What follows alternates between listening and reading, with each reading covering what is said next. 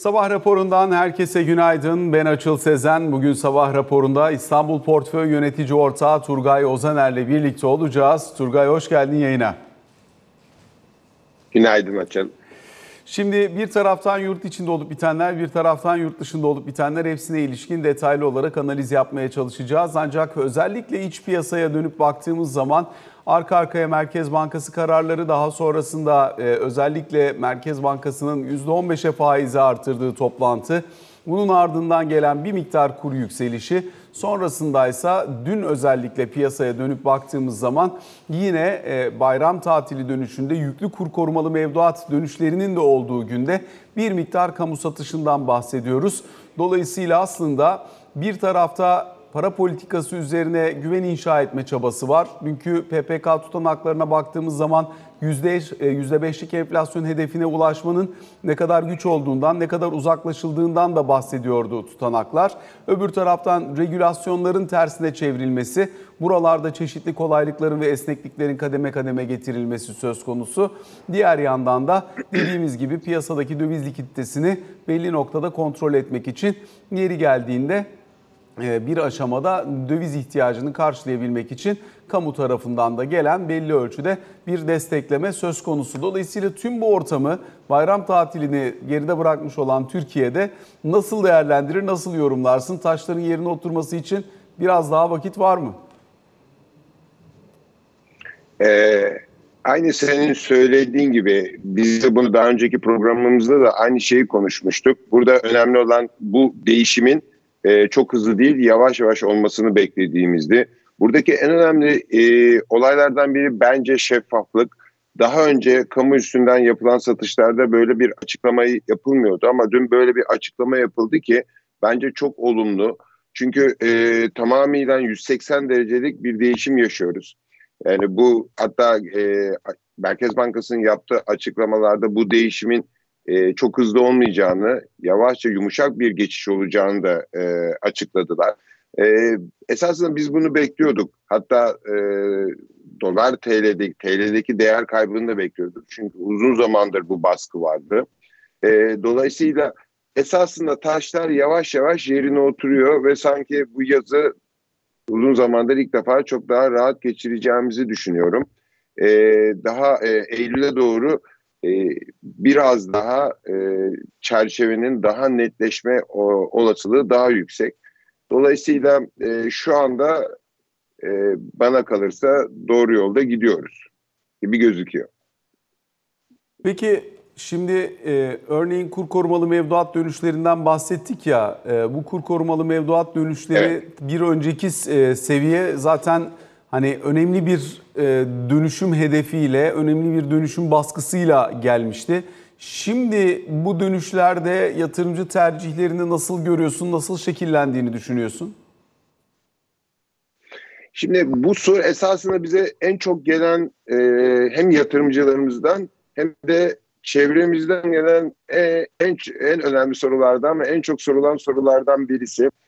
E, ben tercihimi eğer e, çok büyük bir e, yani şöyle eğer çok büyük bir fark yoksa KKM'nin tekrar devam ettirilmesi gerektiğine inanıyorum. Ama eğer mevduat TL mevduat faiziyle KKM faizi arasında ciddi bir fark varsa ben e, dönem paranın mevduat faizine dönmesi gerektiğini e, en azından %50'sinin dönmesi gerektiğini düşünüyorum.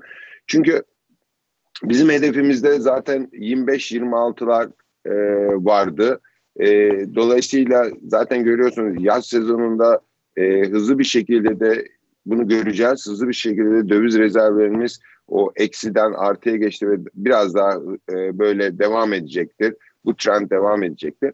Dolayısıyla e, aylık yüzde üç buçuk, yüzde dört bulunan faizlerde e, 3 ay tuttuğunuzu düşünün. Yüzde 10'a yakın hatta 12'ye yakın bir faiz yapacaksınız. E, elde edeceksiniz. Yani bunun da karşılığı yaklaşık 29'lar Eylül sonuna kadar. Dolayısıyla ben oralara geleceğimizi çok düşünmüyorum. Dolayısıyla burada TL mevduatın e, biraz daha e, cazip olduğunu düşünüyorum. Dolayısıyla dediğim gibi burada şey çok önemli tabii. Hani KKM faiziyle mevduat faizi arasındaki farkın çok fazla olma yani en az 10 puan olması. Eğer öyle bir şey yoksa tabii ki KKM faizinin devam etmesi daha avantajlı olabilir. Böyle bir açılma görüyor musun TL mevduatla KKM faiz arasında? Şu anda yok gibi görünüyor. Bundan bir şekilde yararlanmak lazım ama e, bir süre sonra Merkez Bankası'nın faiz arttırım sürecinin ne kadar devam edeceğini bilmiyoruz. Mevduat faizlerinin biraz daha yukarı gitme potansiyeli var. KKM'nin değil ama mevduat faizinin biraz daha yukarı gitme şansının olduğunu düşünüyorum. Yani şu anda yaklaşık e, 35'ler 40'lar arası belki 45'lere e, oralara gider ki o zaman fark 10 puandan daha fazla açılır. O iyi bir avantaj olacağını düşünüyorum mevduat açısından. Özellikle yani tabii... ömür boyu bir de şunu düşünmek Dinliyorum. Bir de şunu düşünmek e, lazım. Yani KKM tamam hep aynı şeyi söylüyorum. KKM bence şu anda ekonomi yönetiminin e, karşısındaki en büyük problemlerden birisi. Yani bitirse bitiremezseniz e, devam ettirmek zorundasınız. Ama bu bütçeye ciddi bir yük getiriyor. İnsanlar şimdi son bir buçuk senedir KKM'ye çok alıştılar. Dolayısıyla bana kalırsa buradaki en büyük yani ekonomideki en büyük problemlerden birisi maalesef KKM. Şimdi KKM özellikle dönüşüm oranı hedeflerinin yumuşaması, hem aylık dönüşüm hedeflerinin yumuşaması hem de aynı zamanda bilançolardaki TL yükümlülük miktarının az da olsa 60'lardan 57'lere çekilmesinin ardından KKM'ye olan e, ihtiyaç bir miktar daha dönüşüm hedefi hafiflediği için bankalarda bu burası e, rahatlamış olabilir mi? Biraz önce söylediğine binaen soruyorum bunu.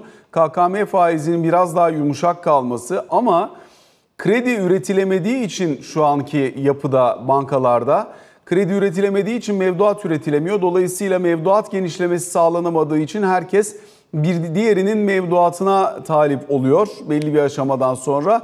Mevduat faizleri bu nedenle TL mevduat faizleri yüksek kalıyor. Yani arada eğer bir fark oluşacaksa bu dönüşüm hedeflerinin yumuşatılmasıyla KKM'nin daha aşağıda kalması ama kredi piyasası işlevsellik kazanana kadar TL mevduat faizinin biraz daha agresif olması söz konusu olabilir mi?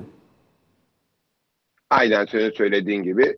Dolayısıyla tabii ki bu yumuşak geçişte ki en önemli e, faktörlerden birisi kredi e, kredilerinin ekonomiye kazandırılması. Yani hala esasen biraz yumuşama olsa da o bundan bir yıl önceki veya altı ay önceki o kredi e, şirketlere verilen, ekonomiye kazandırılan kredi e, maalesef hala biraz zorlukla ulaşılabiliyor. Ama dediğim gibi yani bu e, kendilerinin de açık, ekonomi yönetiminin de açıkladığı gibi bu bir yumuşak e, geçiş süreci.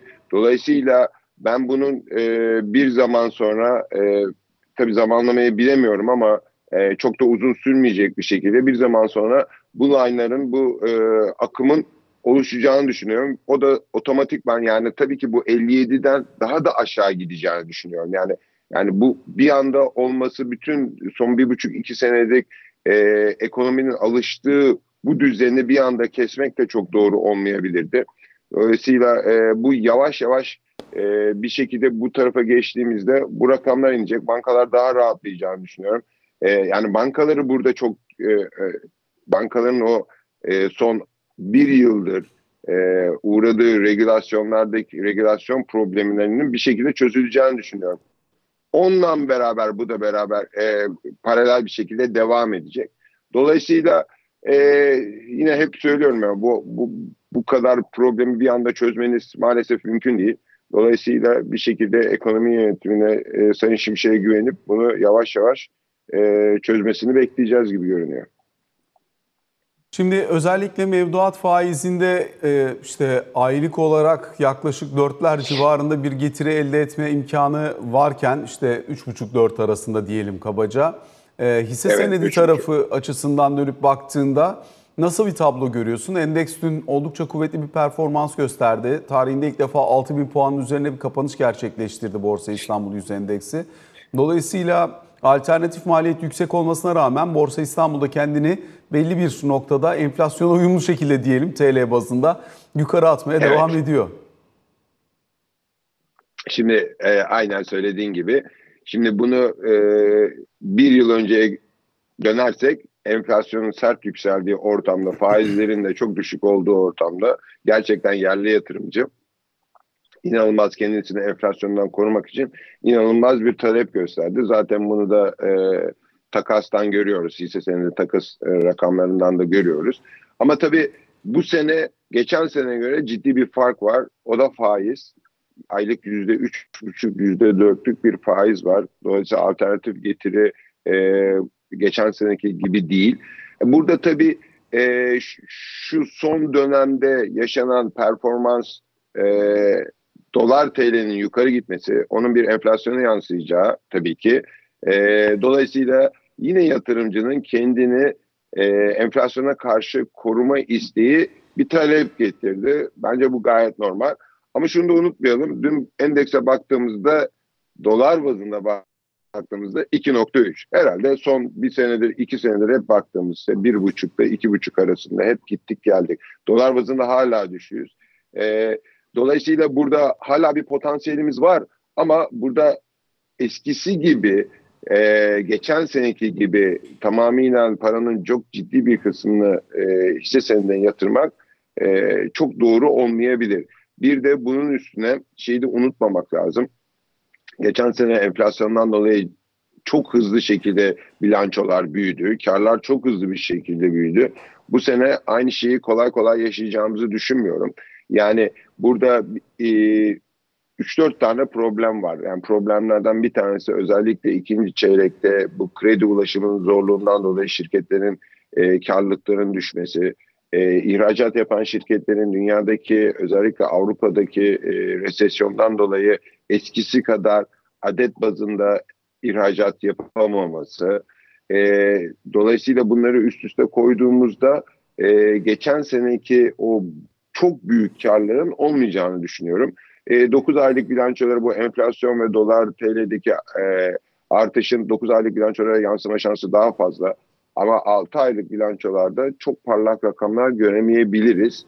E, bu yatırımcıyı bence de çok da fazla moralini bozmaması gerekiyor. Çünkü önümüzde 9 ve 12 aylık bilançolar var. Önümüzde e, özellikle ekonominin daha iyiye gideceği bir beklentisi var.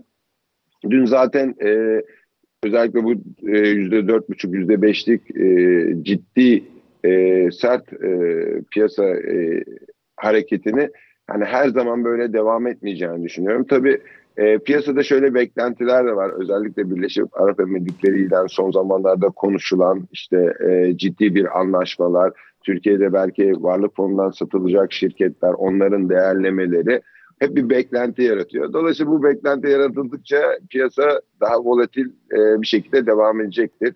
Ama şunu unutmamak lazım. E, geçen seneki e, trendi beklememiz lazım. O yanlış olur. Dediğim gibi yani burada ciddi bir şekilde öbür tarafta alternatif yüzde üç buçuk yüzde dörtlük e, alternatif bir e, yatırım aracı, faiz yatırım aracı olarak duruyor. Burada biraz önce mesela bankalardan bahsettik ya, istersen biraz bankacılık sektörü ve banka hisseleri üzerine de değerlendirme yapmaya çalışalım. Çünkü özellikle son 1,5-2 yıllık periyod içerisinde bankaların bilançoları bir para politikası aracı olarak kullanıldı. Oldukça da hırpalandı.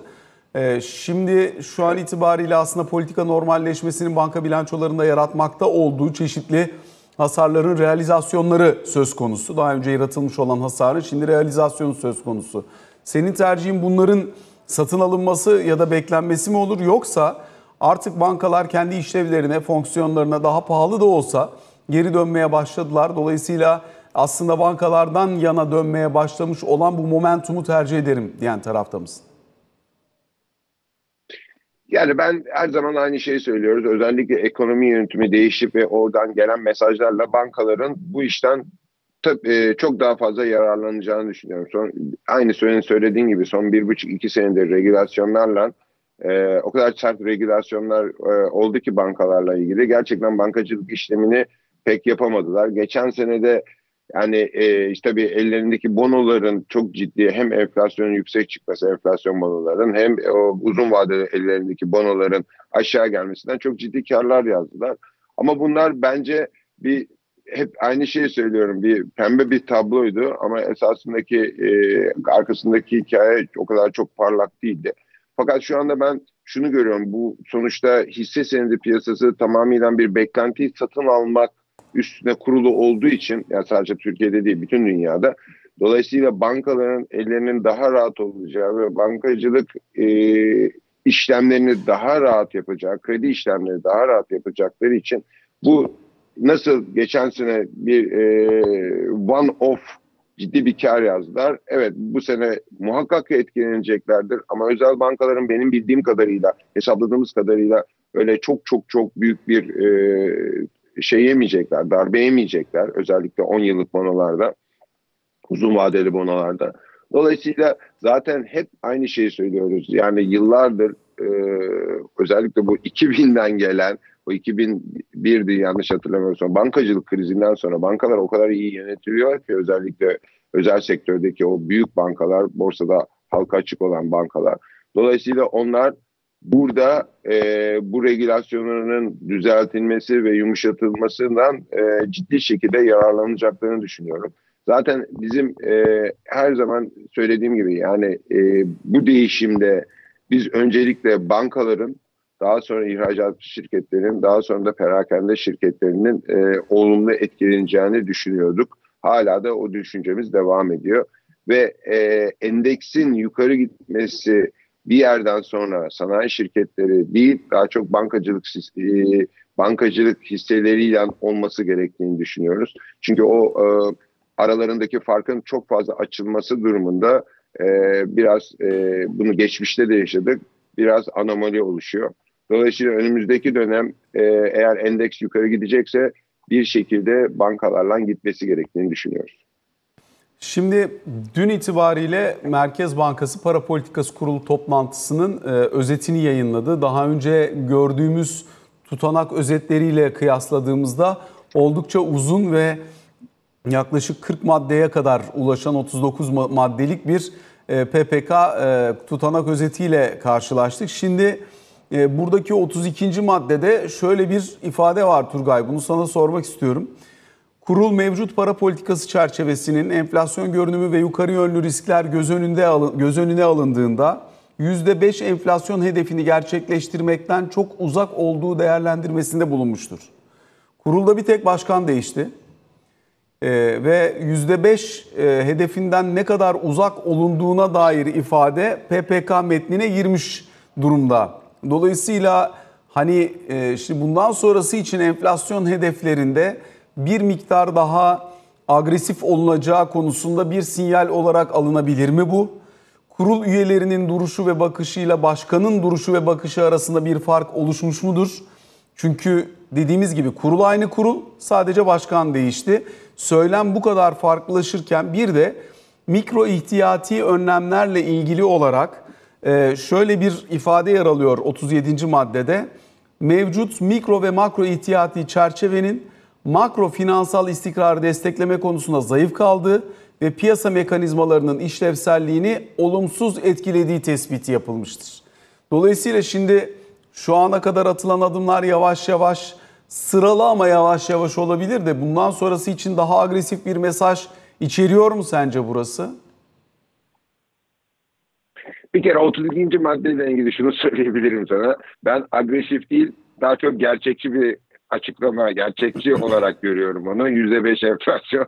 Yani gerçekten gerçekçi değildi. Ee, Türkiye Merkez Bankası'nın öyle bir şeyi koyması da yani, yani kimsenin kimseye inandırıcı gelmiyordu. Bence bu çok ön, önemli, agresif, gerçekçi. Dolayısıyla e, bunu bir şekilde yavaş yavaş ama bazen de e, gazı açarak belki de e, daha agresif bir şekilde bu e, enflasyon hedefine ulaşması e, gerekiyor. 37. maddede aynı senin söylediğin gibi. Şimdi bence e, olaya şöyle de bakmak lazım. Şimdi oraya oturdular. Merkez Bankası Başkanı oraya oturdu. Sayın Şimşek oraya oturdu. Evet Türkiye'nin bütün problemlerini özellikle Sayın Şimşek dışarıdan çok net, çok objektif bir şekilde görüyordu oraya gelmeden önce. Ama belki de oraya oturduktan sonra problemin çok daha büyük olduğunu, çok daha sıkıntılı olduğunu da görmüş olabilir. Dolayısıyla bir şekilde bunu o, o mikro olarak e, hem makro hem mikro olarak da manage etmek yani e, bir şekilde e, daha hızlı hareket etmek, daha agresif e, hareket etmek zorunda kalabileceklerini düşündüklerini e, düşünüyorum ben de. Dolayısıyla önümüzdeki dönem e, özellikle yaz dönemi ben şöyle bir e, şey yapmak istiyorum. Bu tamamen kendi düşüncem. Eylül'ün sonuna kadar ciddi bir şekilde bir e, kredi vermek gerekir.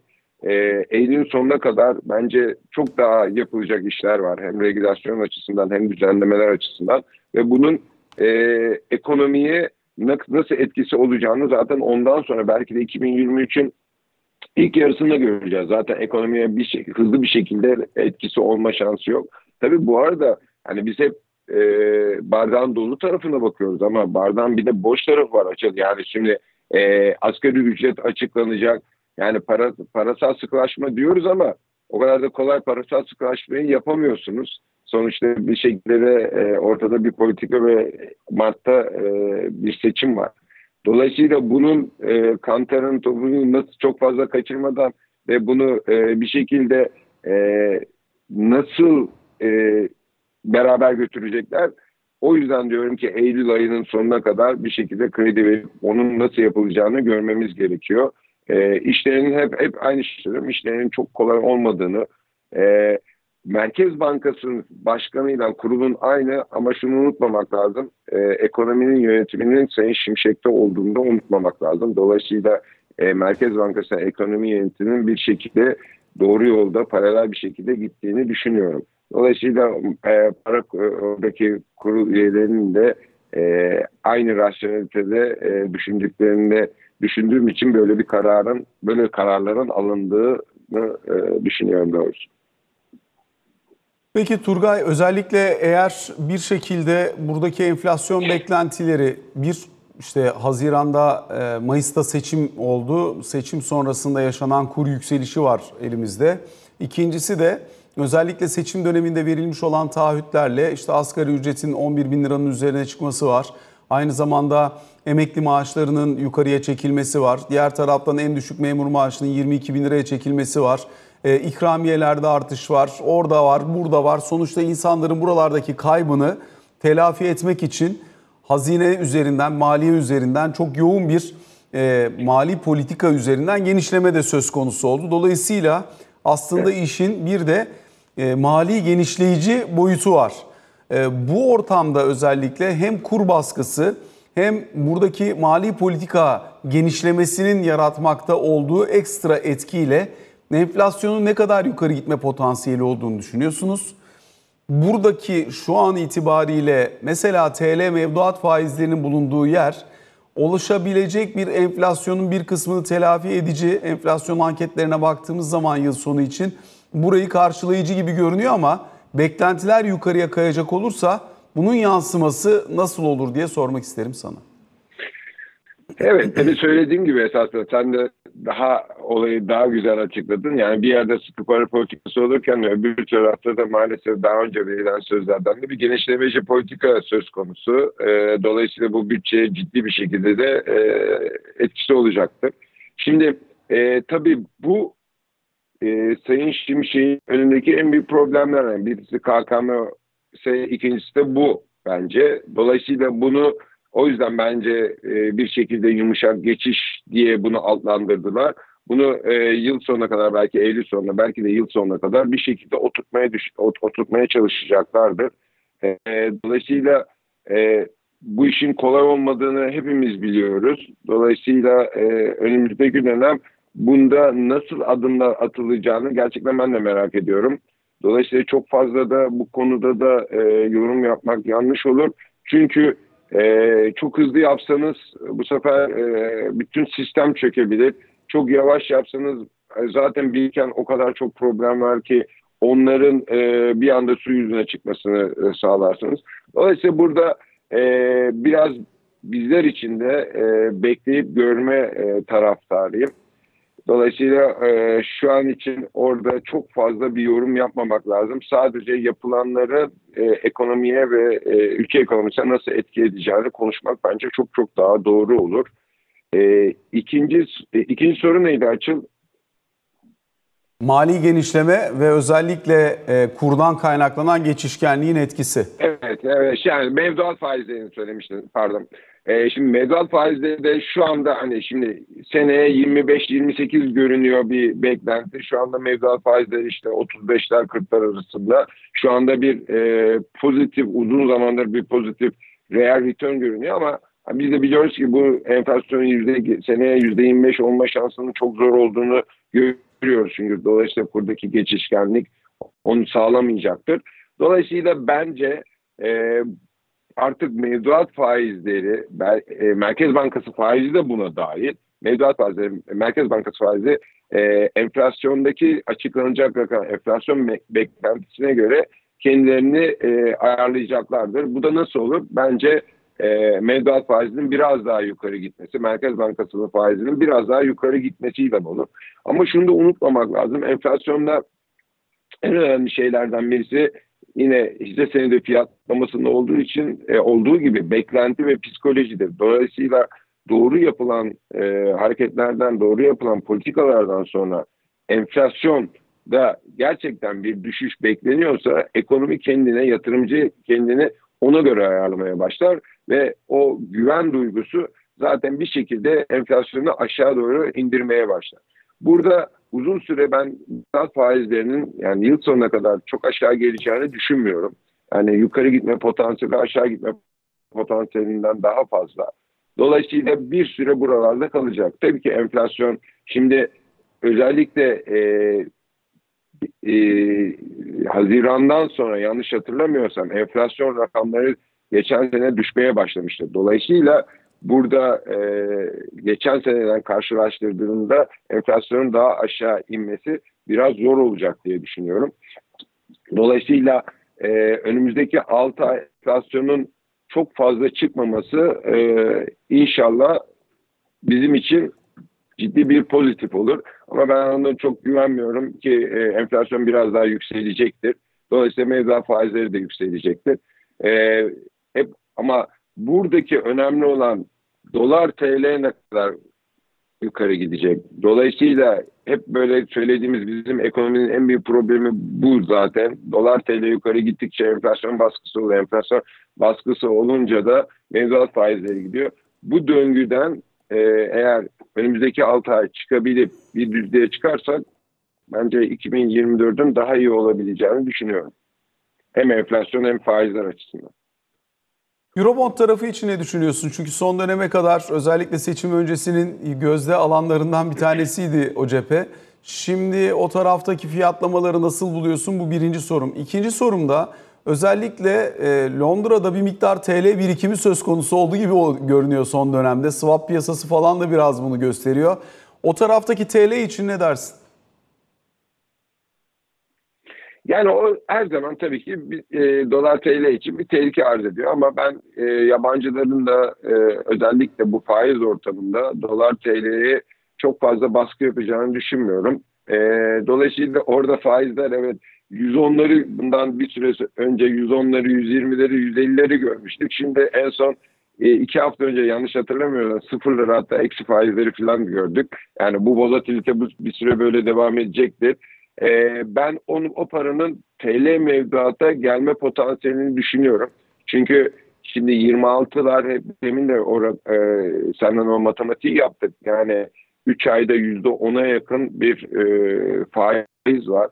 Onun karşılığında yaklaşık e, doların 29 lira olması lazım ki ben e, dediğim gibi yani özellikle bu yaz sezonunda işte Birleşik Arap Emirlikleri, Orta Doğu'dan bir para gelmesi söz konusu. Dolayısıyla öyle bir ortamda doların %10 gitme e, potansiyelini görmüyorum. Burada ciddi bir e, yabancı yatırımcı açısından ciddi bir %5'lik, %6'lık belki bir getiri olabilir 3 ayda.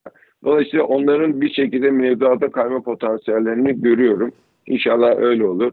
Ama dediğim gibi yani dolar TL'ye o baskıyı, o TL'nin baskıyı yapması bence o, e, on, onlar için e, zararlı bir trade olma ihtimali e, var. Eurobond'a gelince yani ben hep sana e, yıllardır hep Eurobond, Eurobond hep çok e, avantajlı olduğunu söylüyordum. Çünkü hem dolar baskısı hem de faiz. Ama şu anda Eurobond eskisi kadar benim gözümde çok cazip değil. Bir, e, Amerikan faizleri zaten 5'lere e, oturdu. Bizim faizlerimiz %9-9,5. Dolayısıyla çok cazip değil. E, dolar TL'nin de çok fazla yukarı gitmeyeceğini düşünürsem ben Eurobond'dan dediğim gibi yani e, bir şekilde TL mevduatı bir kısmını geçmenin daha doğru olabileceğini düşünüyorum. Yani benim gözümde Eurobond e, biraz gözden düştü diyebilirim. Turgay çok teşekkür ediyoruz. Sabah bu saatinde sorularımızı yanıtladığın için kısa bir araya gidiyoruz. Sonrasında Ali Can Türkoğlu ile karşınızdayız.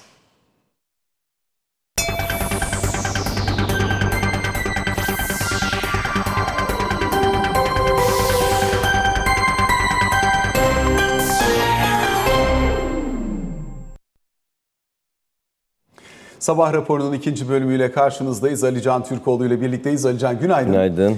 Özellikle dünkü kabine toplantısını bekledik. Kabine toplantısının ardından gelen açıklamalarla bir başlayalım istersen. Ee, özellikle memur maaşları, emekli maaşları bunlara e, bun, bu yapılacak zamlar konusunda beklentiler vardı. Ee, dün de yayında konuşmuştuk aslında. Şimdi yarın enflasyon gelecek. Bundan sonra da e, Temmuz ayı maaşları zaten netleşecek. Şimdi Temmuz maaşları ilk 6 aylık enflasyon farkı ve toplu sözleşme zammı çerçevesinde hesaplanıyor.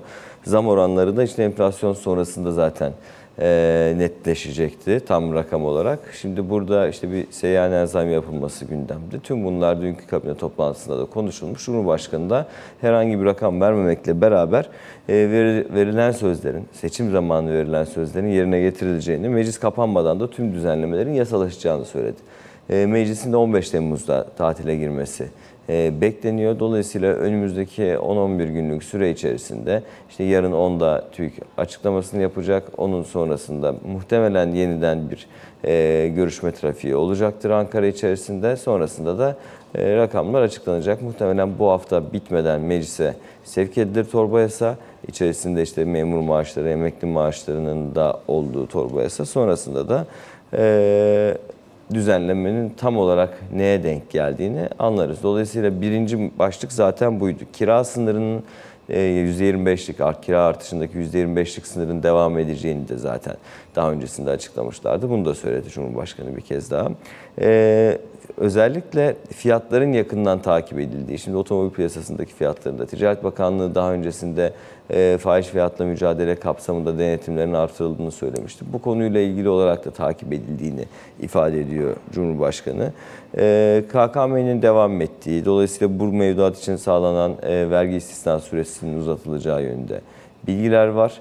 Bunun dışında dış politikaya yönelik mesajlar yani İsveç mesajları var. İşte Kur'an-ı Kerim yakılmasını özellikle bunun e, polis korumasında e, bu suçun işlenmesinin daha da vahim olduğunu vurgusu var. Burada özellikle İsveç ile Türkiye arasında devam eden NATO süreci var bilindiği gibi üyelik süreci. Bu kapsamda 11-12 e, Temmuz'da e, Vilnius'ta NATO zirvesi gerçekleştirilecek. Onun öncesinde ise üçlü Dışişleri Bakanları toplantısı var. Türkiye, İsveç, Finlandiya arasında ve Biden'la İsveç Başbakanı arasında da bir görüşme gerçekleştirilecek. Ancak Ankara'nın e, tarafından bakarsak, okursak hikayeyi şu şu durumda ee, hem İsveç'te terörle mücadele kapsamında İsveç'in halen Türkiye'nin beklentilerini tam olarak karşılamamış olması, her ne kadar yasada değişiklik yapılmış olsa bile beklentiler halen karşılanmadı. Bir bu. iki özellikle İsveç'te bu tip eylemlere e, izin veriliyor olmasının da Ankara açısından kabul edilir bir yanı yok. Bu kapsamda bu süreç daha uzun sürecekmiş gibi gözüküyor. Bu kapsamdaki e, değerlendirmeler yapılmış kabinede anlaşıldığı kadarıyla. Bir de bunun dışında aslında kabine sonrası hem Mehmet Şimşek'in yaptığı açıklamalarda hem de Ticaret Bakanı e, Sayın Bolat'ın yapmış olduğu sosyal medya hesabından yaptığı değerlendirmelerde kritik bir başlık var. Muhtemelen de önümüzdeki günlerde özellikle Temmuz'un ikinci yarısında daha da fazla konuşacağız. Bu da Türkiye Birleşik Arap Emirlikleri ilişkileri. Şimdi dün e, Abu Dhabi e, Kalkınma Holdingi İcra Kurulu Başkanı'nın Ticaret Bakanı ile bir görüşmesi vardı. Aynı zamanda da hatırlayalım e, faiz kararının geldiği günde Cevdet Yılmaz ve Mehmet Şimşek'in Birleşik Arap Emirlikleri'ne yapmış oldukları bir ziyaret vardı. Bu kapsamda ikisini beraber okursak bu ziyaretin yani Sayın Yılmaz ve Sayın Şimşek'in yapmış olduğu ziyaretin verimli geçtiği, faydalı geçtiği hatta bayram boyunca da heyetlerin çalışmalarının devam ettiğini söylüyor Sayın Mehmet Şimşek ve e, gelecek haftada Birleşik Arap Emirlikleri heyetinin Türkiye'ye geleceğini ifade ediyor. Dolayısıyla heyetler arasındaki bu görüşmelerin olumlu şekilde devam ediyor olması, Birleşik Arap Emirlikleri heyetinin önümüzdeki hafta Türkiye'de olacak olması ee, ve Cumhurbaşkanı'nın da tüm bu görüşmeler sonrası oraya gidecek olması. Muhtemelen Temmuz'un ikinci yarısında olacak. Yani daha doğrusu NATO zirvesi sonrasında olacak zaten ee, bu ziyarette. Ee, Ticaret Bakanı'nın mesajlarını da arkasında okuyalım. Yani dünkü görüşme sonrası özellikle 7 alanda Birleşik Arap Emirlikleri'nin Türkiye'ye yatırım yapmayı e, planladığını, enerji, gıda, tarım, sağlık hizmetleri, ilaç, lojistik ve ulaştırma sektörlerinde yatırım planlandığını ifade ediyor Ticaret Bakanı da. Bu kapsamda Cumhurbaşkanı'nın Birleşik Arap Emirlikleri ziyareti sonrasında e, çeşitli anlaşmaların imzalanmasına çok yüksek ihtimal olarak bakılıyor Ankara'da. Bu kapsamda ne kadarlık bir yatırım olacak? Çok farklı rakamlardan bahsediliyordu. Seninle bayram öncesi yapmış olduğumuz yayınlarda da rakam net olmadığı için e, konuşamıyoruz ama e, oldukça yüksek oranlarda yatırımın Türkiye'ye Birleşik Arap Emirlikleri'nden gelebileceği yönündeki beklenti bu sözlerle yani Hazine ve Maliye Bakanı'nın ve Ticaret Bakanı'nın açıklamalarıyla da iyice e, gündeme gelmiş ve güncellenmiş gibi gözüküyor. Demek istediğim şu ki Temmuz'un ikinci yarısındaki yani 11-12 Temmuz'daki NATO zirvesinden sonra Cumhurbaşkanı'nın yapacağı Birleşik Arap Emirlikleri ziyareti sonrasında e, Körfez'in özellikle Birleşik Arap Emirlikleri'nin Türkiye'ye yatırımlarının ne kapsamda olduğunu ve belki de ilerleyen aşamada ne kapsama ilerleyeceğini daha net bir şekilde göreceğiz. Bu da dünkü kabine toplantısında Cumhurbaşkanı'nın açıklamalarına yansımasa bile ve kabine sonrasında Sayın Şimşek'in açıklamalarıyla tekrar gündeme gelen yeni bir başlık olarak karşımızda. Teşekkür ediyoruz Alican. Böylelikle sabah raporuna bugün için son noktayı koymuş oluyoruz. Hoşçakalın.